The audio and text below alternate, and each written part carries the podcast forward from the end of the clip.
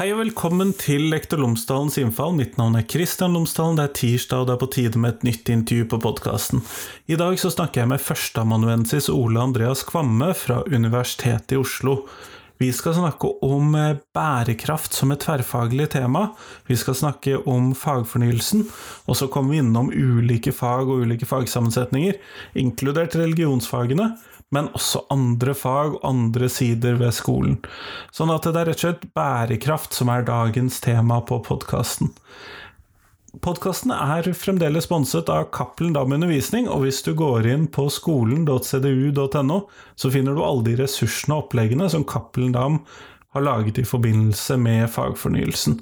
Alle temaer i grunnskolen, alle årstrinn i grunnskolen, de tverrfaglige temaene på tvers osv. Alt sammen. Du finner det på skolen.cdu.no. Her kommer intervju med Ole Andreas, vær så god.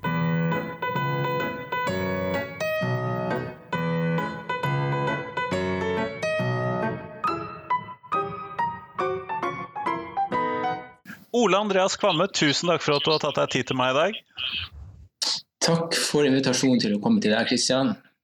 Før vi starter selve intervjuet, så hadde jeg håpet at du kunne fortelle lytterne mine tre ting om deg selv, sånn at de kan få bli litt bedre kjent med deg.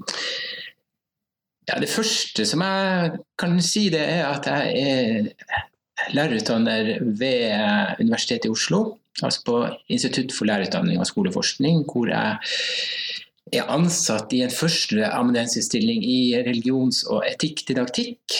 Um, men så er jeg også opptatt av eh, pedagogikk og pedagogisk filosofi og forholdet mellom menneske og samfunn og bærekraftspørsmål som vi skal ta opp her.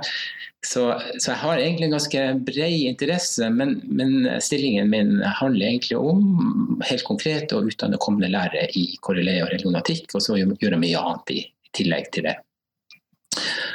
Og så har jeg da en bakgrunn som, eh, som lærer i mange år, i likhet med mange andre lærerutdannere. Eh, jeg jobba i en videregående skole i Oslo og underviste i norsk, religion og etikk og historiefilosofi. Jeg jobba i en sentrumsskole um, og fikk da i Oslo fikk da elever fra, fra hele byen, så den rekrutterte veldig bredt. Så jeg, egentlig, jeg likte veldig godt det der med å, å komme til jobb på morgenkvisten og, og vite at her kom, her kom, det elever fra veldig mange ulike sammenhenger skulle møtes eh, hos, hos, oss og hos meg i min undervisning. Så, jeg har jo sett hvilken skole du jobbet på, og den har jo et ganske høyt snitt. Ja, ja, Oslo katedralskole eh, har hatt et veldig høyt snitt. Jeg tror det varierer sånn litt, litt uh, år om annet, men, men det er jo mange av de elevene som kommer til den skolen der, de har jo, jo fiksa skolen på ungdomsskolen. Så de har en sånn mestringsfølelse som, jo, som gjør, ja, som gjør ting litt, litt, enklere. Men i noen sammenhenger, tror jeg. Men samtidig så, så er det altså en utrolig brokete forsamling. Så, så den, den rekrutterer jeg tror det var nesten, nesten 30 ungdomsskoler som da på en måte rekrutterte til, til Katta, når jeg så på den statistikken som vi fikk forelagt ved oppstarten av skoleåret. Så det, det, er, det er, en av de skolene som på en måte ja, som, som, uh, som, som, speiler byen når det gjelder, når det gjelder i hvert fall uh, geografi. Uh, selv om det er mange som, som har god, god, god følelse av, av, det å være på skolen fra ungdomsskolen. Um, det siste jeg tenkte på når du spør, spurte meg nå, det, det, er kanskje, kanskje at jeg nå lengter litt til Sverige. Uh, jeg er jo nordfra, fra, fra Alta, og, og, i oppveksten så, så, var vi mye, selv om sommeren, i, i Nord-Sverige, i Bottenviken. og Bada i det varme vannet der, det var mye kaldere i Finnmark. og uh, spilte minigolf og storstrut. Og nå i voksen alder, når jeg bor i Oslo, så er det å komme seg til Sverige og oppleve noe som er litt annerledes, eh, men likevel ligner, lignende, det syns jeg er veldig fint. Så jeg prøver nå også å, å, menge meg med svenske forskere og tenke at internasjonalisering også kan handle om å ta seg en togtur over grensa. Kjempeflott, det høres bra ut. Eh, og det vi skal snakke om, det er jo bærekraft. Og hvilken plass tenker du at bærekraft har fått i de nye læreplanene, da? Hvis vi bare starter der sånn helt eh, stort og bredt? Ja, det er jo, altså, Ordet bærekraft er jo et, et svært, svært, begrep som, som egentlig eh, har en rekke sammenhenger knytta til seg. Det, men det som, jo, det som jo på en måte er en historisk bakgrunn for selve begrepet, det er jo, det er jo på en måte eh, ikke minst den der Brundtland-kommisjonens rapport fra 1987, Vår felles fremtid, hvor man begynte å snakke om at eh, klodens eh, ressurser er begrensa, og vi bruker for mye og vi må få til endringer. Og så ble det på en måte miljøperspektivet kobla til til også fattigdomsbekjempelse og, og behovet for, for å, å, få til en, en sosial utvikling i, i, deler av verden som, som, som, på en måte var kommet bakpå. Altså, hele den globale rettferdighetshensynet eh, ble kobla til miljø.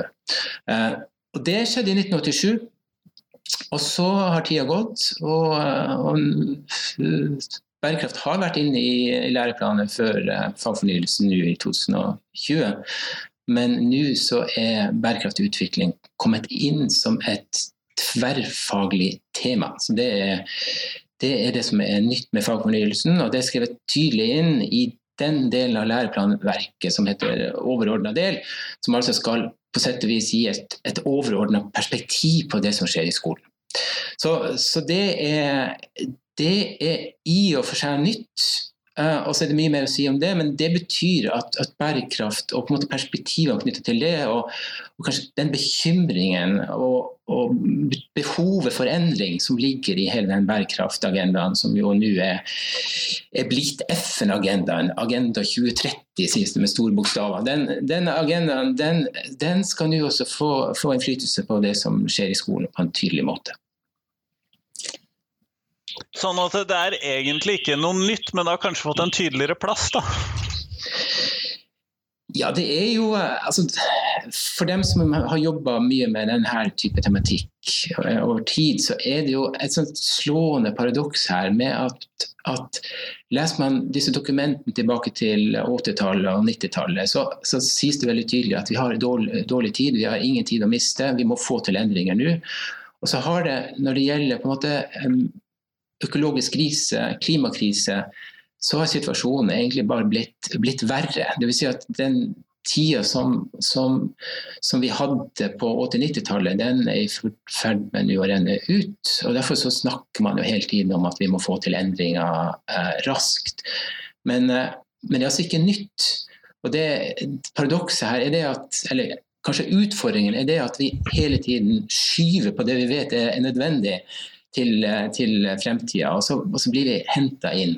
Så, så, kanskje kan vi si det at nå i eh, forbindelse med fagfornyelsen, så kommer det temaet inn i, i skolen på et tidspunkt hvor nødvendigheten av endring er mye større enn det ville vært på 80- og 90-tallet. Eh, fordi vi har så mye dårligere tid. Og hele på en måte disse skolestreikene for klima, som jo på en måte ble, ble prega. Også norsk skole før pandemien slo inn eh, er jo et veldig tydelig eksempel på den utålmodigheten. Og den endringen som nok har skjedd eh, siden, siden 30-40 år, siden når bærekraftagendaen ble etablert, på sett og vis. Men hvordan tenker du at uh, Vi skal komme litt tilbake til disse skolestreikene. for er jeg litt interessert i å høre hvordan du tenker det opp imot skolen osv. Men hvordan tenker du at bærekraften henger sammen med de andre sånn tverrfaglige temaene i skolen? Da? For jeg, jeg, opplever at de er ganske koblet sammen. Deler du den oppfatningen? Ja, jeg, jeg tenker det er et veldig godt poeng. Og det, det er det er disse tverrfaglige temaene, det er, jo, det er, jo, tre temaer. I tillegg til bærekraftig utvikling så er det demokrati og medborgerskap og folkehelse og livsmestring. Den ble jo først eh, lansert med litt andre formuleringer, riktignok, av, uh, av Ludvigsen-utvalget. Altså den, denne NOU-en som kom i sin uh, sluttrapport i, i 2015 Eh, og som på en måte la grunnlaget for fagfornyelsen. Mye ble endra i, i stortingsmeldinga som kom i 2016, men, men, eh, disse tre tverrfaglige temaene de sto fast. Og det er ikke tvil om at hvis du bruker skolestreiken for klima som eksempel. Så er det ikke tvil om at, at det, det, er klart at bærekraftig utvikling også handler om demokrati og medborgerskap. Altså hvis man ser på, de aksjonene, så, så, var det utrolig eh, mobiliserende. Og det førte nok til at eh, mange i den generasjonen har fått sin tydeligste, tydeligste demokratiske erfaring, eller medborgerskapserfaring, nettopp knytta til, til, trusler som handler om bærekraftig utvikling. Eh, eller mangel på bærekraftig utvikling. Og Hvis man også trekker inn på en måte um, uh, håp og håpløshet og bekymring for fremtida, altså det som er mer eksistensielle problemstillinger knytta til det her, så er det ikke tvil om at, uh, at uh, også folkehelse og livsmestring er, er viktig også spille inn. Og folkehelseperspektivet, det er jo, det er jo noe som, som vi, vi, ser veldig tydelig nå med pandemien. Men egentlig så, så er det jo i hvert fall, eh, hvert fall vil, vil, mange si det at, at, det er også sammenhengen her. Det vil si at F.eks. FNs naturpanel kom med en rapport i, i, i, høst hvor de viste til at det at mennesker nå tar, tar, stadig mer større plass på, på kloden, uh, og måte, uh, legger press på andre arter, og så gjør det at kontakten mellom mennesker og, og andre arter blir, blir, av en annen type. Og risikoen for pandemier knytta til overføring av eh, sykdom fra, fra, andre arter til mennesker øker. Så, så, dette her er da en del av en måte den, det risikosamfunnet, for å bruke et begrep som, som en tysk sosiolog Ulrik Beck brukte allerede på, på midten av 80-tallet. Det var vel i 86, etter Tsjernobyl-ulykken han brukte, brukte, det, altså den atomkraftulykken i, i, Russland. Men i hvert fall så, så kan man si at, at det er det er ikke tvil om at det er sammenhenger her som gjør at, eh, at et tenker absolutt at de tre tverrfaglige temaene må ses i sammenheng. I hvert fall er det, er det vanskelig å tenke bærekraftig utvikling i en skolesammenheng uten også å tenke inn folkehelse og livsmestring, og ikke minst demokrati og medborgerskap. Når vi da, fordi at Du har jo nevnt disse skolestreikene. Eh, hvordan tenk, fordi at De er jo på en måte noe som setter seg ved siden av skolen eller utenfor skolen, nettopp ved at de velger å markere dette da ved å streike fra skolen. Men har du noen tanker om hvordan dette passer sammen med det pedagogiske oppdraget vi som skole har? Det der er et godt spørsmål, og det er, det er sannelig ikke så lett å svare veldig godt på. Jeg, jeg, jeg, jeg har, har jobba med problemstillinger knytta til, til, etikk og verdier og, og, og skole knyttet til bærekraftig utvikling noen år. Jeg, leverte en avhandling som jeg forsvarte for nesten et år siden, som, hvor en av de artiklene jeg jobber med, handler nettopp om skolestreik for klimaet. Hvor jeg også gikk nærmere inn på Greta Thunberg sine appeller eller taler. Og det som, det som slår meg her, er det at på den ene siden så er det sånn at disse, disse skolestreikerne har på en måte appellert til verdier da, som er formulert veldig tydelig i dokumenter som det er full enighet om, altså FN-konvensjoner og, og, andre på en måte veldig sånn, viktige eh, erklæringer. Eh, og Det handler om at man skal ta, ta, vare på hensyn til oss som lever i dag, til naturen og til kommende generasjoner. Eh, så På et generelt nivå så er det full enighet om det, og nesten i hvert fall. Bortsett fra de som på en måte er klimaskeptikere. Men det er jo en gruppe som blir i mange sammenhenger i hvert fall mindre forhåpentligvis og eh, i en del sammenhenger heldigvis mindre og mindre betydningsfulle. Men i hvert fall så, så, så betyr det at de på den ene siden så, så er det sånn at Greta Thunberg appellerer veldig tydelig til de verdiene i sine appeller. Interessant nok veldig tydelig til FN-agendaen. Parisavtalen er på en måte det hun viser til støtt og stadig. Eh, og på den andre siden så sier også mange av elevene, bl.a. Grete Thunberg, at de har lært om menneskeskapte klimaendringer på skolen. Og så ser de at det blir ikke gjort noen ting. Så, så, alt det handler egentlig om skolens tradisjonelle oppgave med å drive opplysning og sånt. Men så er jo utfordringen da at det er en motsetning her, en konflikt knytta til at uh, ungdommen ikke ser at kunnskapen blir uh, utmynta i politisk handling.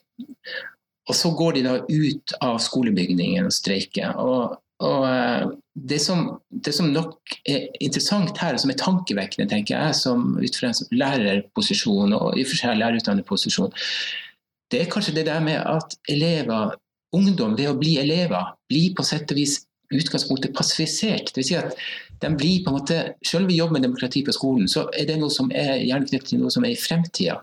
Mens, mens, de i skolesammenheng, og det, det, så jeg også i andre, andre deler av, av arbeidet mitt, at, at uh, det der med ansvar for fremtidige generasjoner fort i skolesammenheng blir abstrakt og noe som vi tenker langt fremme, og kan vi ha ansvar for noe vi ikke vet hva er. Mens det at man faktisk tar, tar eierskap i en sånn verdi og sier at ja, men det handler jo om oss. Det er noe av det som jeg tenker kraften i skolestreiken for klimaet. Så, så det, er, det, det, det viser noen av utfordringene med at skolen institusjonalisere ungdom. og I verste fall så kan det føre en passivitet, mens, mens, her så fører det jo faktisk til at, for, har det jo ført til at, at ungdommen på en måte går ut av, av skolen. Men det, er, egentlig, det, det, har ikke sett noen forske på, men, men, det som ville vært veldig interessant å snakke også med lærere om, det er på en måte hva, disse, hva skjer når disse skolestreikende elevene kommer tilbake igjen til skolen dagen etter og ukene etter. Hva, hva gjør, gjør, vi med den erfaringen i, i undervisningen? Så, så, Oppsummert så tenker jeg at dette her, dette her får, frem, det får frem noen både mulighetene som skolen har til å drive med opplysningsarbeid og, og myndiggjøre eh, ungdom, men også risikoen til å passifisere og, og, ta fra en gruppe som har sterke interesser av at det skjer noe på dette politiske feltet, ta, ta fra dem på en måte initiativ og, og, eh, og hva skal jeg si, eh, eh, myndighet fordi de rett og slett sitter på skolebenken. Nettopp, nettopp. Men hvis vi da skal prøve å ha en undervisning som eh, motvirker denne passiviteten, kan vi da snakke om en egen bærekraftsdidaktikk knyttet til dette? Ja, det, det, tenker jeg absolutt at, at, at man kan, kan ha. Og, og det, det, tenker jeg vel også er nødvendig å utvikle i, i møte med den situasjonen som vi, vi nå står oppe i, med at, at fagfornyelsen prioriterer bærekraftig utvikling som, som, tema. Og så tenker jeg at Utover det så handler jo dette her også om, i hvert fall for min del, om en sånn grunn forståelse eller grunnholdning til at, at, skole skal på en måte eh, forholde seg til samfunnet rundt. Og at de store utfordringene som, som samfunnet står overfor, hvis skolen på en måte lukker øynene for de, så er det noen ting som er feil. Og ut fra det vi har snakket om nå, så tenker jeg vel at, at det med hva skal jeg si, myndiggjøring av elevene, og, og at de også ser her at det er f.eks. at det er er nokså nok viktige internasjonale avtaler som er inngått og som Norge har forplikta seg på, og som handler om at deres fremtid skal, skal beskyttes, ivaretas. Altså, det, er på en det det, det handler om, eh, som, som, er viktig å få, få inn i undervisningen. Og Det betyr jo også at jeg er Sant? I og med at jeg også jobber med etikk, didaktikk, så er jeg opptatt av å få synliggjort det perspektivet. altså At det er liv på kloden som er under press, eh, og at, eh, at det er et etisk og et politisk anliggende. Så jeg, ser på en måte ikke etikk her som noe som er løsrevet fra, fra politikk, men ser en sammenheng egentlig mellom, mellom en etisk orientering mot, mot, de verdiene i undervisningen og, og politiske uh, anliggender. Uh, og så er det klart at det der må jo også balanseres mot det at vi, vi skal jo ikke drive indoktrinering heller. Uh, og det er viktig at, at elevene Eh, sjøl får anledning til å kritisk utforske også de, de verdiene som vi her snakker om. Men Er det noen sånne særlige aspekter som du tenker må være en del av denne bærekraftdidaktikken? Du har trukket fram etikkens side ved dette, men er det noen sånne andre aspekter som må være en del av denne bærekraftsdidaktikken? Altså det som, eh, det som jo, eh, det som jo innenfor forskningsfeltet på det her eh, gjerne trekkes frem, og som jo også, også, er inne som et element her i fagfornyelsen, det er jo vektleggingen av tverrfaglighet. Eh, og det, det er en egen utfordring eh, som ikke bare er knyttet til skolen, men som er knytta til på en måte samfunnet vårt som et hele, og ikke minst universitet og høyskole som, som som forskningsinstitusjoner og akademiske institusjoner. Da handler det om at vi, vi har utvikla i, i på en måte den moderne tid en oppdeling av kunnskaper i ulike, ulike uh, felter, eller noen bruker den nedsatte uh, betegnelsen siloer. Og så, uh, og så skal man da, skal man da utvikle kunnskap innenfor det. og så skal man, Hvis man blir en drivende dyktig forsker, så har man fordypa seg, gått ned i ett felt og blitt skikkelig god der. Og Så har vi da utfordringer nå som handler egentlig om å se ting på tvers, og se at ting henger sammen.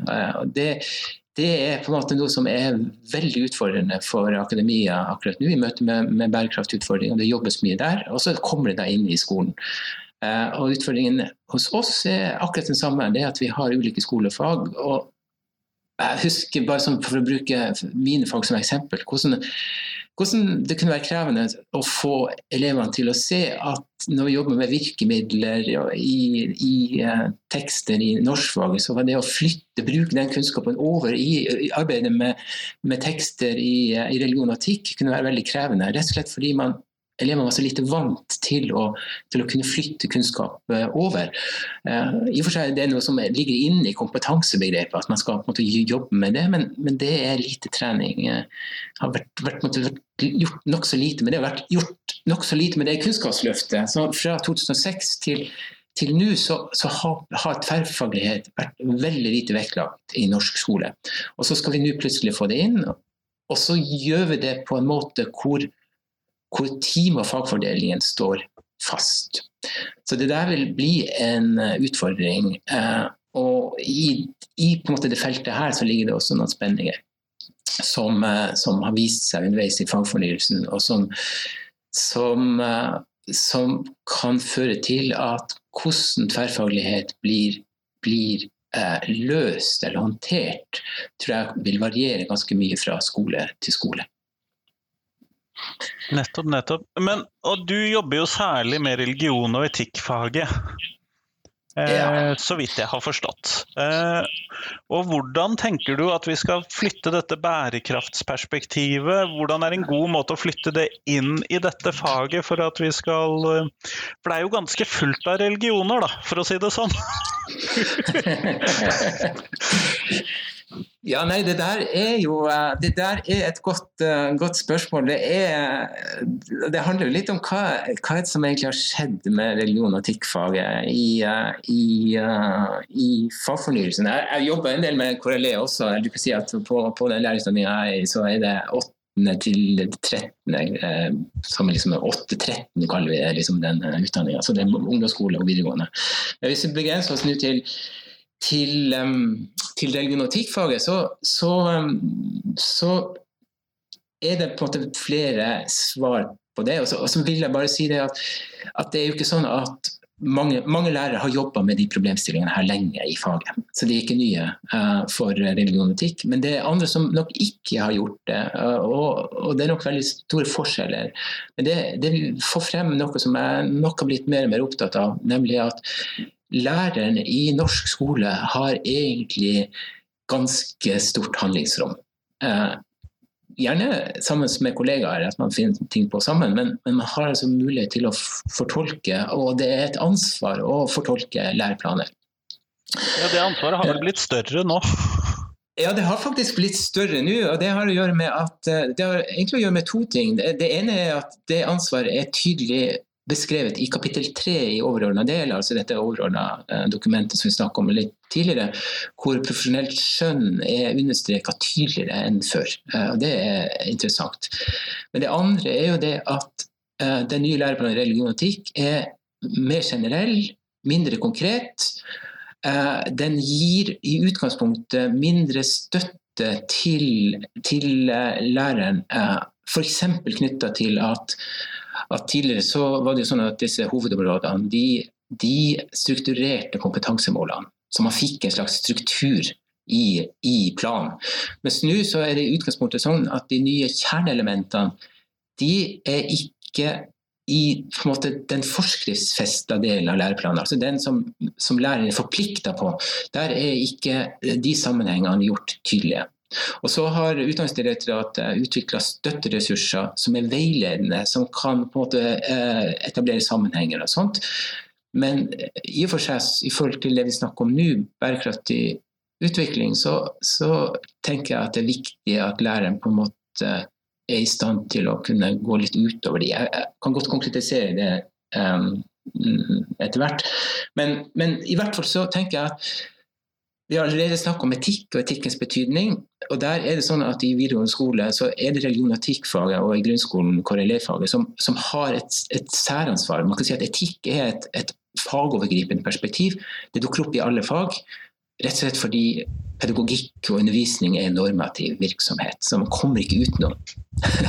det, det, men, eh, så etikken er, er viktig. Og så, og, men så er nok jeg opptatt av at, at eh, religion og etikkfaget det har i, si, i, i, sin grunnstruktur, sånn som det har vært, og sånn som det nok fortsatt blir videreført, så, så jobber det altså med, med store eh, tradisjoner som, som eh, både har involvert fortolkninger av virkeligheten, av mennesket og etikk. altså Virkelighetsoppfatning, menneskesyn og etikk er liksom måte det, det trekløveret som har vært der. og Selv om ikke det gjøres tydelig i læreplanen nå, sånn som det har vært før, så får det frem det at, at på en måte de store måte, eller forståelse av mennesket i verden og hva det vil si å være menneske, den type grunnspørsmål, er noe som eh, religion og etikkfaget er, er, opptatt av. Og I forhold til bærekraftig utvikling så kan man si det at hvis man på den ene siden snakker om etikk, og, der er det på en måte handlingsaspektet som er viktig, uh, og der kan, der kan religion og etikkfaget bidra kanskje med å, å kvalifisere uh, og begrunne på en måte handlemåter og diskutere på en måte uh, de verdiene som vi snakket om i sted så kan, så kan, religion og livssyn og filosofidelen av faget i mye større grad også drøfte f.eks. menneskets forhold i verden, forholdet mellom menneske og natur. Se på, se på eh, ressurser og begrensninger i ulike religioner og livssyn. Bare tenk på, på hvordan, hvordan, eh, hvordan um, eh, mennesket i mange tradisjoner har blitt på sett og vis privilegert på bekostning av andre arter. og Samtidig så, så har det de siste årene skjedd store endringer der eh, knytta til, eh, knyttet til, eh, til f.eks. Eh, kristen teologi, eh, hvor, hvor, hvor, på en måte til og med forvalteransvarstanken, som jo mange løfter frem som positivt, har blitt, blitt diskutert fordi den, den privilegerer mennesket i forhold til andre arter. Mennesker er over alle. Sant, ja, nettopp. Og det, eh, og som da blir, som da blir, blir um, diskutert og, og, tilbakevist av uh, f.eks. En, en viktig nordamerikansk teolog, selv om McFaig brukte det siste hun, vel, hun lever fortsatt, men hun er blitt en, en eldre eh, kvinne, for å si det sånn. Men, men hun, hun, brukte de siste 20 årene av, sin, sin eh, yrkesaktive karriere til å jobbe nettopp med de problemstillingene. Veldig spennende. Eller innenfor for, uh, Livssynshumanisme og Humanisk Forbund i Norge, hvor, hvor, man har Arne Næss på den ene siden, som jo alltid var medlem av Humanisk Forbund, men som innenfor bevegelsen har blitt kraftig kritisert for å ikke på en måte eh, forsvare mennesket på bekostning altså menneskets særstilling i forhold til andre, andre, arter. Så man finner på en måte veldig mye stoff her som, som, som, da i utgangspunktet ikke uten videre kan innløses i en handling, altså at man, at man handler på en eller annen måte. Men det handler egentlig om religion- og etikkfaget som et humanistisk fag som jobber med kulturelle forestillinger, praksiser. Eh, som, som, ligger til grunn for, uh, for, mye av det vi gjør. Og jeg tenker at Den utforskende siden av, av, av eh, temaet bærekraftig utvikling må vi også jobbe med parallelt, selv om vi har aldri så dårlig tid og vi må sørge for at samfunnet endrer seg raskt. Så tenker jeg at skolen når den jobber med de problemstillingene her, også skal jobbe med dette her. og Mitt inntrykk er at både elever og lærere er opptatt av det. Og det der er noe litt sånn ja, Jeg opplever det er litt uh, puslete, for å si det sånn. Det er sånn, uh, ja, at, at støtteressursen til Utdanningsdirektoratet, når de skal knytte, et, knytte kompetansemål til bærekraftig utvikling, så er det egentlig bare ett kompetansemål som de, som de, som de nevner. Og, um, og det er det at Mål for opplæring er at eleven skal kunne drøfte menneskeverd og naturens egenverdi i møte med teknologisk utvikling. Og Det er viktig, at naturens egenverdi og menneskeverd i møte med teknologisk utvikling. Men, men mitt poeng er altså at, at diskusjonen om mennesket og naturen er noe som kan tas opp egentlig i det som er kjernestykkene i, i, i faget. Og hvis man går til f.eks. naturfag, så ser man der at det kommer en bråte med, med kompetansemål, og ikke alle er like tett knytta til klimakrisen, for å si det sånn. Men det er nok rett og slett et uttrykk for at naturfag har en mye lengre tradisjon med å jobbe med, med didaktisk med bærekraft som en utfordring i faget, og ser at det er mange flere koblinger som kan gjøres. Så min oppfordring her er, vel det at vi må, vi må prøve å jobbe kreativt med det, og se at her er det gode grunner til å si at religion og etikk-faget, både når det gjelder med sånn grunnlagsspørsmål kan bidra med noe som andre fag ikke kan bidra med på samme måte. Eh, og samtidig så har, har også faget et, et, ansvar i forhold til etikk. Som, som, kan være utrolig spennende å jobbe med også i, i tverrfaglig samarbeid med, med andre. Eh, hvis vi nå forestiller oss en eh, lærer som nå skal gå i gang med religion og etikkfag i den nye varianten, det er vel et år eller to til, men vi kan jo tenke altså at vi begynner å planlegge det allerede nå. Har du noen sånn tips til eh, innfallsvinkler eller til måter å tenke på eller et eller annet som kan gjøre det lettere å komme i gang med denne delen med å ta dette bærekraftsperspektivet inn i faget? da? Jeg tenker vel at For, for lærere som er i skolen, så, så, er det egentlig, i forhold til det vi snakker om nå, så, så, så trenger, trenger, ikke den nye planen å, å, være så forskjellig fra den gamle. Du kan si at, at den gjeldende planen nå fortsatt, den inneholder, vil jeg si, um, muligheter som svarer til det som er i den nye planen. Så jeg, jeg tror egentlig man bare kan begynne med en gang. Uh, nå med den planen som gjelder. Eh, det er, det både når det gjelder etikk Jeg vil faktisk si at, at eh, den planen som er nå, ikke, ikke, står tilbake, noe tilbake, rett og slett. Eh, forskjellen er det at bærekraftig utvikling er skrevet inn i første del av læreplanen i LK20. Dvs. Si at i den der omfaget-delen hvor det står om fagets relevans og sentrale verdier og grunnleggende ferdigheter, og sånt, så er det også et avsnitt om tverrfaglige tema. Det er nytt, og det kan man godt lese men, men, når man leser det i den nye planen der, så, så, så tenker jeg at det, også der så kunne det vært på en måte tenkt enda litt, litt, større enn det det har vært gjort. Så, så kortsvaret er å, å, bare ta tak i den planen som er nå. Og så, og så tenker jeg vel at, at det å jobbe med, med forholdet mellom, mellom menneske og, og natur, rett og slett la det være et tema som får vekt i møte med arbeidet med religion og livssyn, kan være, hvis man ikke har gjort det allerede, så kan det være noe interessant å utforske, altså jobbe med. Eh, og da altså jobbe utforskende og kritisk, altså gi elevene oppgaver hvor de, hvor de skal undersøke både muligheter og begrensninger i, i de, de, ulike tradisjonene som de, de jobber med i de gjeldende planene. Og så er det en ting til her som er, er viktig, tenker jeg, og interessant. Og det er jo at nå flommer nyhetsbildet over av tematikk knytta til dette her. Og stadig vekk så er det også, også eh, eksempler på, på, nyheter som handler om, eh, om religioner og livssyn. og, og eh, initiativ som tas der, og, og endringer i, i på en måte religionens holdning og konflikter innad i religioner når det gjelder synet på, på, på miljøet. Bare ta den katolske kirke og hvordan det der er en kamp mellom ulike posisjoner. Eh, ikke minst knyttet til pave Frans sitt sterke engasjement for, for miljøet og global rettferdighet. Så dette, jeg, jeg, tenker vel at det er, det er, det er eh, mulig her å, å ikke ikke, ikke vente, men bare, bare prøve ut. Og så, så, så, gjelder vel det temaet her mer enn mange andre at, at, elevene sitter med mye kunnskaper, rett og slett.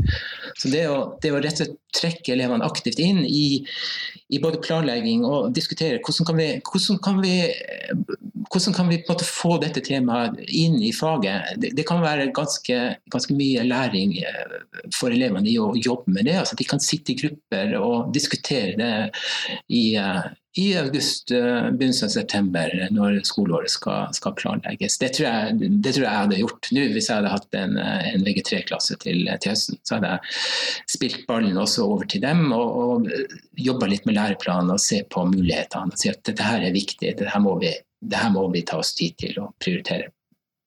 Kjempeflott, Ole Andreas. Vi går mot slutten av podkasten, og da skal jeg stille deg det spørsmålet som jeg stiller alle jeg intervjuer for tiden. Og det er hva er de tre viktigste tingene som skolen kan lære elevene?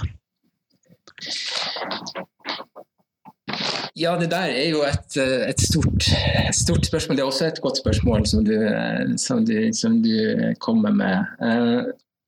Det der med, med, kvalifisering er jo viktig. Altså at man skal, bli, eh, man, skal, man skal, lære ting på skolen som man kan bruke videre i studier og, og, og i arbeidslivet og sånt. Men, men jeg tenker vel at det, spørsmålet ditt det, det, fører veldig fort over til, til, det som handler mer om hva skal jeg si, danningsdimensjonen i faget. Og, og, og da er det, det første jeg, jeg, tenker, og det går litt tilbake til det jeg snakket om innledningsvis, den erfaringen min med å, å møte elever som, som kom fra veldig ulike bakgrunner i, i samme klasserom.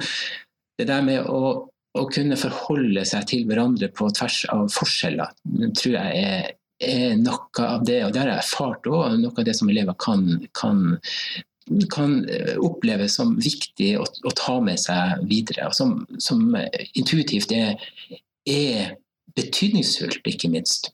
Eh, og som KRLE og religion- og etikkfaget helt opplagt eh, kan bidra til det, det, andre som jeg tenker på, som er liksom, det er liksom vanskeligere å, å helt gripe, men, men, på en eller annen måte så, så er det sånn i ungdomstida så vil de aller fleste eh, utvikle en klarere og klarere orientering, livsorientering, altså knyttet til hvem, hvem, hvem, jeg er, og hvilken retning går jeg i, og, og hvordan blir dette livet. På en måte De spørsmålene der de må også skolen på en måte være, forholde seg til. og Det er ikke sikkert skolen er viktigst, men skolen kan være veldig viktig. og Det er mange eksempler på at lærere har åpna noen dører som ellers ville få blitt stengt for, for elever, og som, som, får stor betydning for, eh, for deres liv. Så, så, her er det hvert fall, og det er en del av mysteriet også med, med skolen, fordi noen ganger kan ting få betydning flere år etterpå.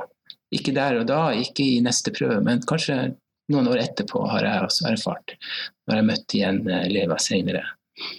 Det, det, tredje jeg kommer på, det er det er på dette med at, at, verden kan se annerledes ut.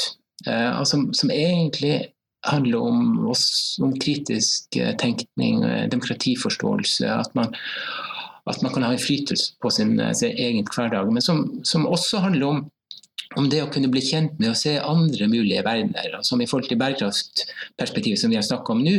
Og så handler det om å, å, gi plass for å forestille seg, leke med, diskutere, prøve å skissere hvordan en bærekraftig verden, et bærekraftig samfunn kan se ut noen år frem i tid. Uh, og som i forhold til kritisk tenkning også handler om å kunne, kunne også kritisk utforske bærekraftagendaen, som, som ikke nødvendigvis i ett og alt er, like bærekraftig. Men, eh, men, her er det et perspektiv som, som, som altså går utover, eh, ut, utover, det som er her og nå, og som, eh, peker mot det samfunnet som vi, vi forhåpentligvis er på vei mot, som er i stand til å ivareta gunstige livsvilkår på kloden for fremtidige generasjoner. Kjempeflott. Tusen takk for at du tok deg tid til meg i dag. Takk for invitasjonen. Eh, jeg er glad for, for den samtalen eh, her med deg, Kristian.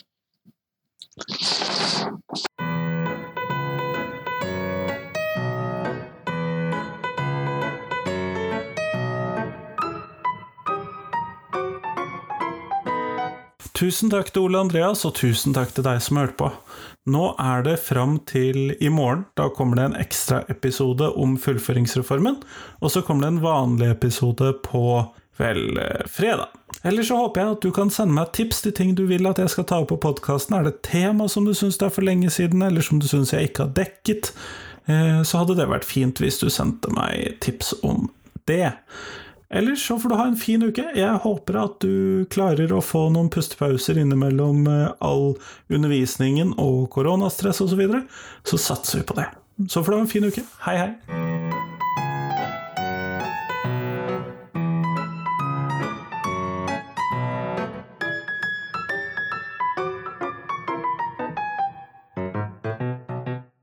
Husk at hver eneste torsdag så kommer jeg ut med et uh, Tenketorsdag-bilde, hvor jeg stiller et spørsmål jeg tenker er viktig å reflektere over for norsk skole.